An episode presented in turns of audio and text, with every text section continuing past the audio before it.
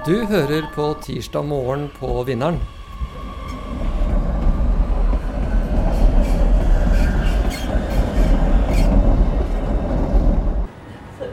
God morgen, alle sammen. Jeg heter Merete Agerbakk Jensen, og jeg leder Oslo Høyres programkomité.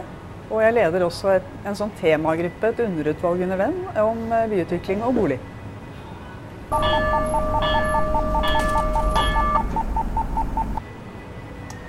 Velkommen til eh, tirsdag morgen på Vinneren.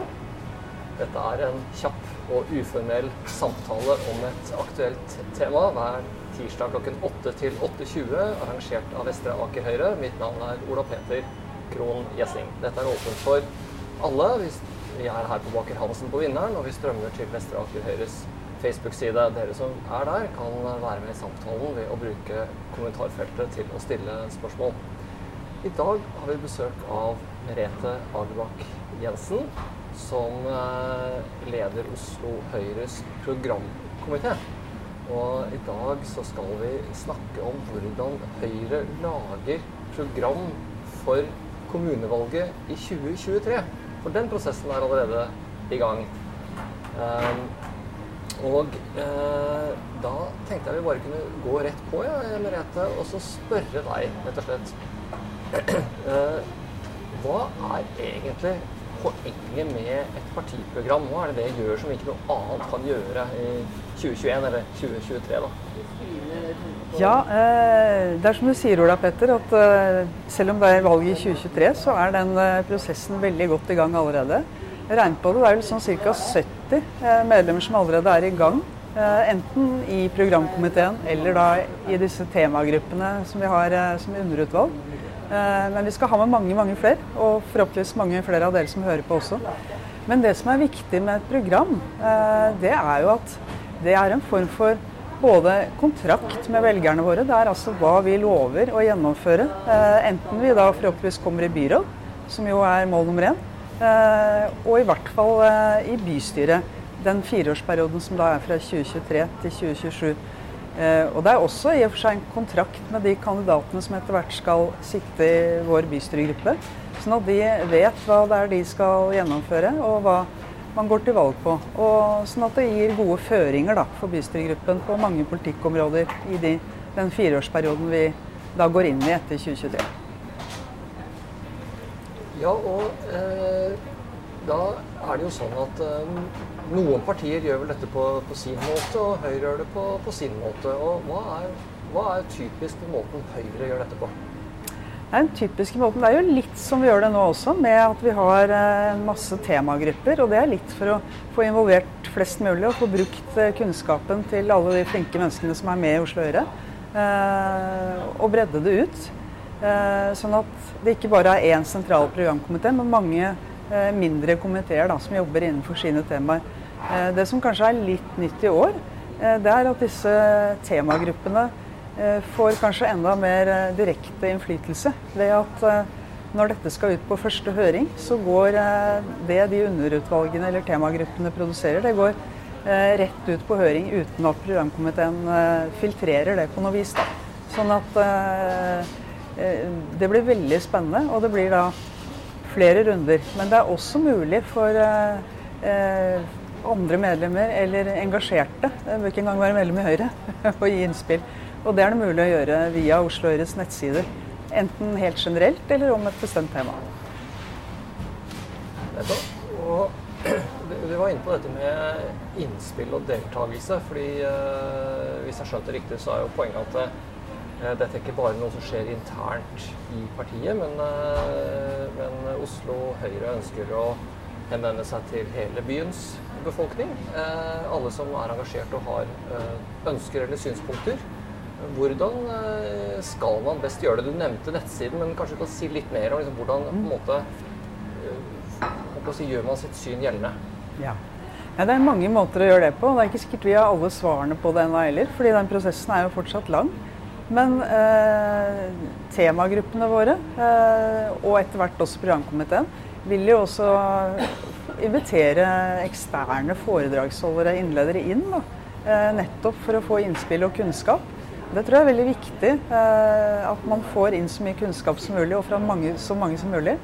Eh, det tror jeg sikrer at eh, programmet blir kvalitetsmessig best da, og mest mulig gjennomarbeidet. Og kan jo nesten samarbeide, nei, sammenligne programprosessen med en veldig lang, veldig lang og god dugnad. Da, hvor du skal bygge et hus nesten, hvor kanskje grunnmuren er litt sånn Det er litt ideologien vi har, og det som på en måte står fast. Men så er det jo sånn at i løpet av fire år så skjer det veldig mye i verden eh, og i Oslo. Og kanskje særlig denne siste fireårsperioden. Da. Vi er jo fortsatt i en pandemi. Eh, vi vet ikke helt hva eh, resultatene av den blir på alle områder eh, ennå. Men vi må ta høyde for det. Vi må skaffe oss ny kunnskap. Og vi må oppdatere programmet på de områdene som blir berørt av det, f.eks. Pluss at Oslo er en så dynamisk og levende by at det er uansett mye som skjer da i løpet av fire år. Ja, Vi skal komme litt tilbake til uh, utfordringene og hva som kan tegne seg som innhold. Men først for å ta liksom, prosessen ferdig, da. Hvem er det egentlig som bestemmer hva som skal stå i programmet til slutt? Ja, Det som bestemmer helt til syvende og sist, da, etter alle disse høringsrundene og innspillsrundene og sånt, det er jo partiets høyeste organ, uh, som det så fint heter Det vil altså si kanskje det mest demokratiske innenfor Oslo-partiet. For at det er det største organet, eh, representantskapet, som da skal vedta dette i november. Eh, og det eh, representantskapet består jo da av representanter fra alle bydelsforeningene, fra bystyregruppen, fra stortingsgruppen, fra Senior Høyre, fra Oslo Unge Høyre, fra studentene. Så det er en veldig bred gruppe. Og sånn jeg kjenner det representantskapet, så kommer det til å bli også veldig gode debatter. Og eh, mange gode forslag også helt inn i siste runde. Nettopp. Og så, så, kan vi jo da gå litt til dette som er utfordringene. Eh, nå har eh, byen vært styrt av et eh, rød-grønt flertall i seks år. Og det er to år igjen til valget. Hva ser du som på en måte hovedutfordringene som et program må gripe fatt i nå?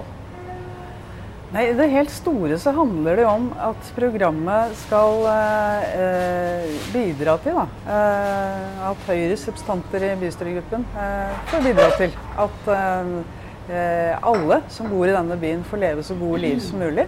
Og det handler jo om for det første at vi tar vare på Eh, det blå og det grønne i byen vår. Eh, at vi svarer på de veldig viktige klima- og miljøutfordringene som vi alle er enige om, tror jeg, at man har. Eh, men kanskje også gjør det på en måte som får folk med seg i større grad enn det sittende byråd har gjort. Så er det jo en basis alltid for Høyre med en god skole. Men vi må også svare på hvorfor det er viktig at vi har en god skolepolitikk. At det handler så mye mer om der og da og undervisning, men det handler om nettopp hvordan eh, barn og unge skal kunne leve gode liv eh, helt til de blir gamle. At de får seg gode jobber, eh, at de får utvikle seg selv osv.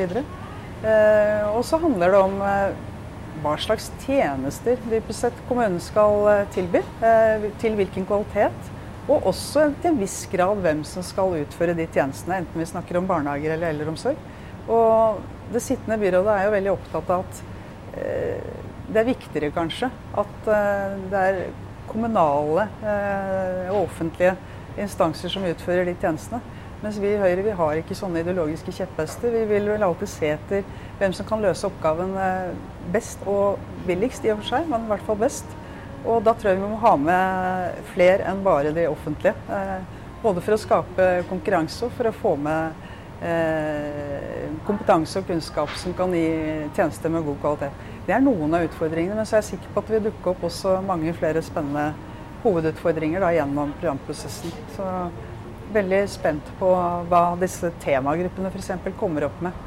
Og da er vi jo eh, Vi er litt ute etter at de også skal prøve å se litt på noen hovedsaker. Eh, er Partiprogrammer har en tendens til å ha veldig mange punkter, og det er fint, om eh, enkeltsaker. Men eh, vi må også prøve å gi gode svar til velgerne eh, på hva som er hovedsakene, og hvorfor det er det, på et litt sånn overordnet plan. da. Ikke bare de helt konkrete punktene.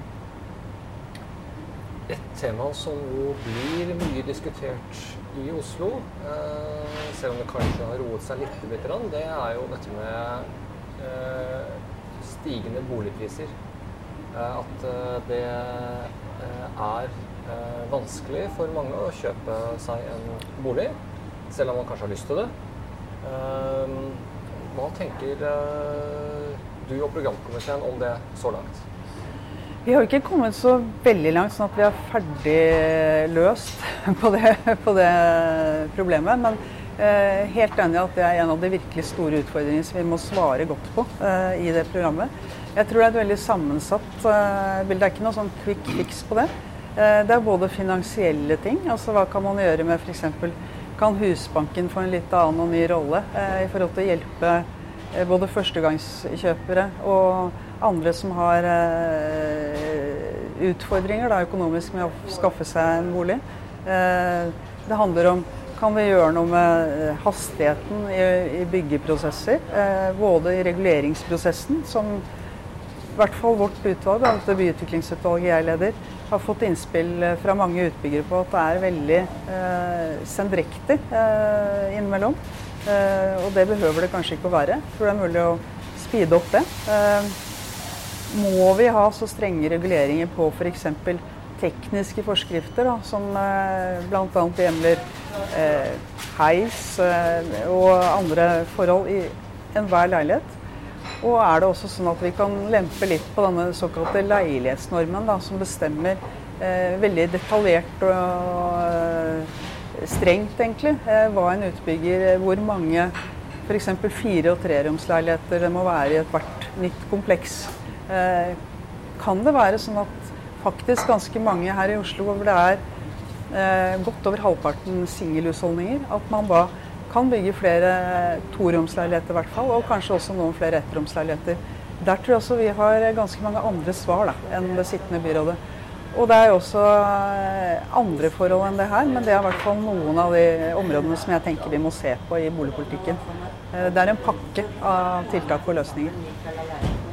Hvis vi løfter oss liksom enda et nivå høyere her, da, så sier vi dette er program for uh, Oslo. Uh, Oslo er jo en del av en større region. Uh, og, og, pandemien har jo også måte kanskje gitt opphav til noen nye trender i retning at flere vil kanskje bo mer, litt mer desentralt, litt mer hjemme osv.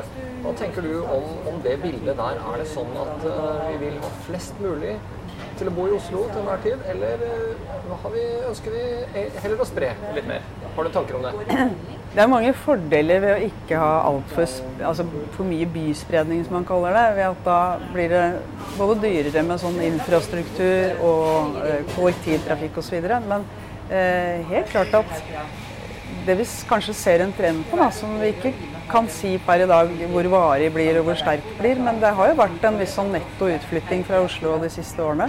Eh, og også eh, en annen trend vi ser, er jo at det kanskje vokser frem mer eh, bymessig preg også litt ute i bydelene. At folk ønsker seg Denne pandemien har kanskje gjort at folk oppholder seg mer i nærmiljøet sitt, og da ønsker de flere servicefunksjoner eh, lettere tilgjengelig i sine nærmiljøer.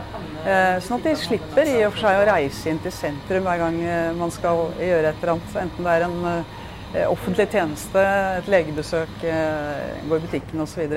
Og, det er sånne trender og tendenser som vi må være oppmerksom på. Og eh, også bygge opp om, hvis det er sånn folk eh, ønsker det. Eh, og så er det jo et faktum at uh, Oslo-regionen, hvis du tar med i hvert fall gamle Akershus, og egentlig litt utenfor det òg, er en felles arbeidsmarkeds- uh, og boligmarkedsregion. Og hvor man også i stor grad bruker kulturtilbudene litt på tvers av kommuner. Så vi må følge med på dette. samtidig så tror jeg det er viktig at vi der hvor vi bygger sentralt, at vi også bygger nok Eh, sånn at eh, det blir effektivt, at vi får eh, frigjort faktisk også ganske mye areal til fellesområder, byområdene våre. Og det kan vi gjøre hvis vi bygger tett nok, og i og for seg også innimellom høyt nok der hvor det måtte passe. I stedet for å ta av arealet på gateplan. Men det var flere svar på, på, det spørsmålet. Men det er sånne type trender som jeg tror vi må se på og jobbe videre med i programprosessen. Og som vi kanskje ikke engang har alle svar på når programprosessen er ferdig. Men eh, da er det viktig at eh, den nye bystyregruppen også eh, er våken på det, og kanskje ser at eh, det skal lages en ny kommuneplan. At man da har kanskje litt mer fleksibel holdning til hva som er fremtidens både knutepunkter og hvor man eh, skal bygge. Eh, følge med på det som skjer, rett og slett. Pandemien har jo også, i hvert fall så langt, da, eh, medført endringer i reisemønsteret. Det er færre på T-banen og tog, busser. Det er litt færre på veien, men ikke så mange færre på veien, kanskje. Eh, og, og trenden i retning av eh, flere og flere elbiler har jo også forsterket seg ytterligere. Det er kanskje ikke pga. pandemien, men det har skjedd samtidig. Uh, og det har medført at uh, mye av planleggingen rundt uh, kollektiv- og veiløsninger i Oslo er litt oppe i luften igjen. Hvordan, hvordan, bør man tenke rundt det når man skal tenke program fra 2023 til 2027? Nei, Det er jo både en utfordring og en mulighet, det du sier der. fordi det er nok helt riktig at uh, kanskje særlig innen kollektivtrafikken så er det andre reisemønstre nå, definitivt. Men det kan også godt være at noen av dem setter seg litt mer permanent. Og da må man jo vurdere om det, hvor det er mest behov for å sette inn innsatsen. Da. hvilke prosjekter. Nå er jo det også noe som skjer i denne Oslopakke 3-forhandlingen mellom Oslo og gamle, ja, og Viken. Eh, men våre forhandlere som er med der, må jo også tenke over det. Eh, og igjen kanskje ha litt fleksibilitet.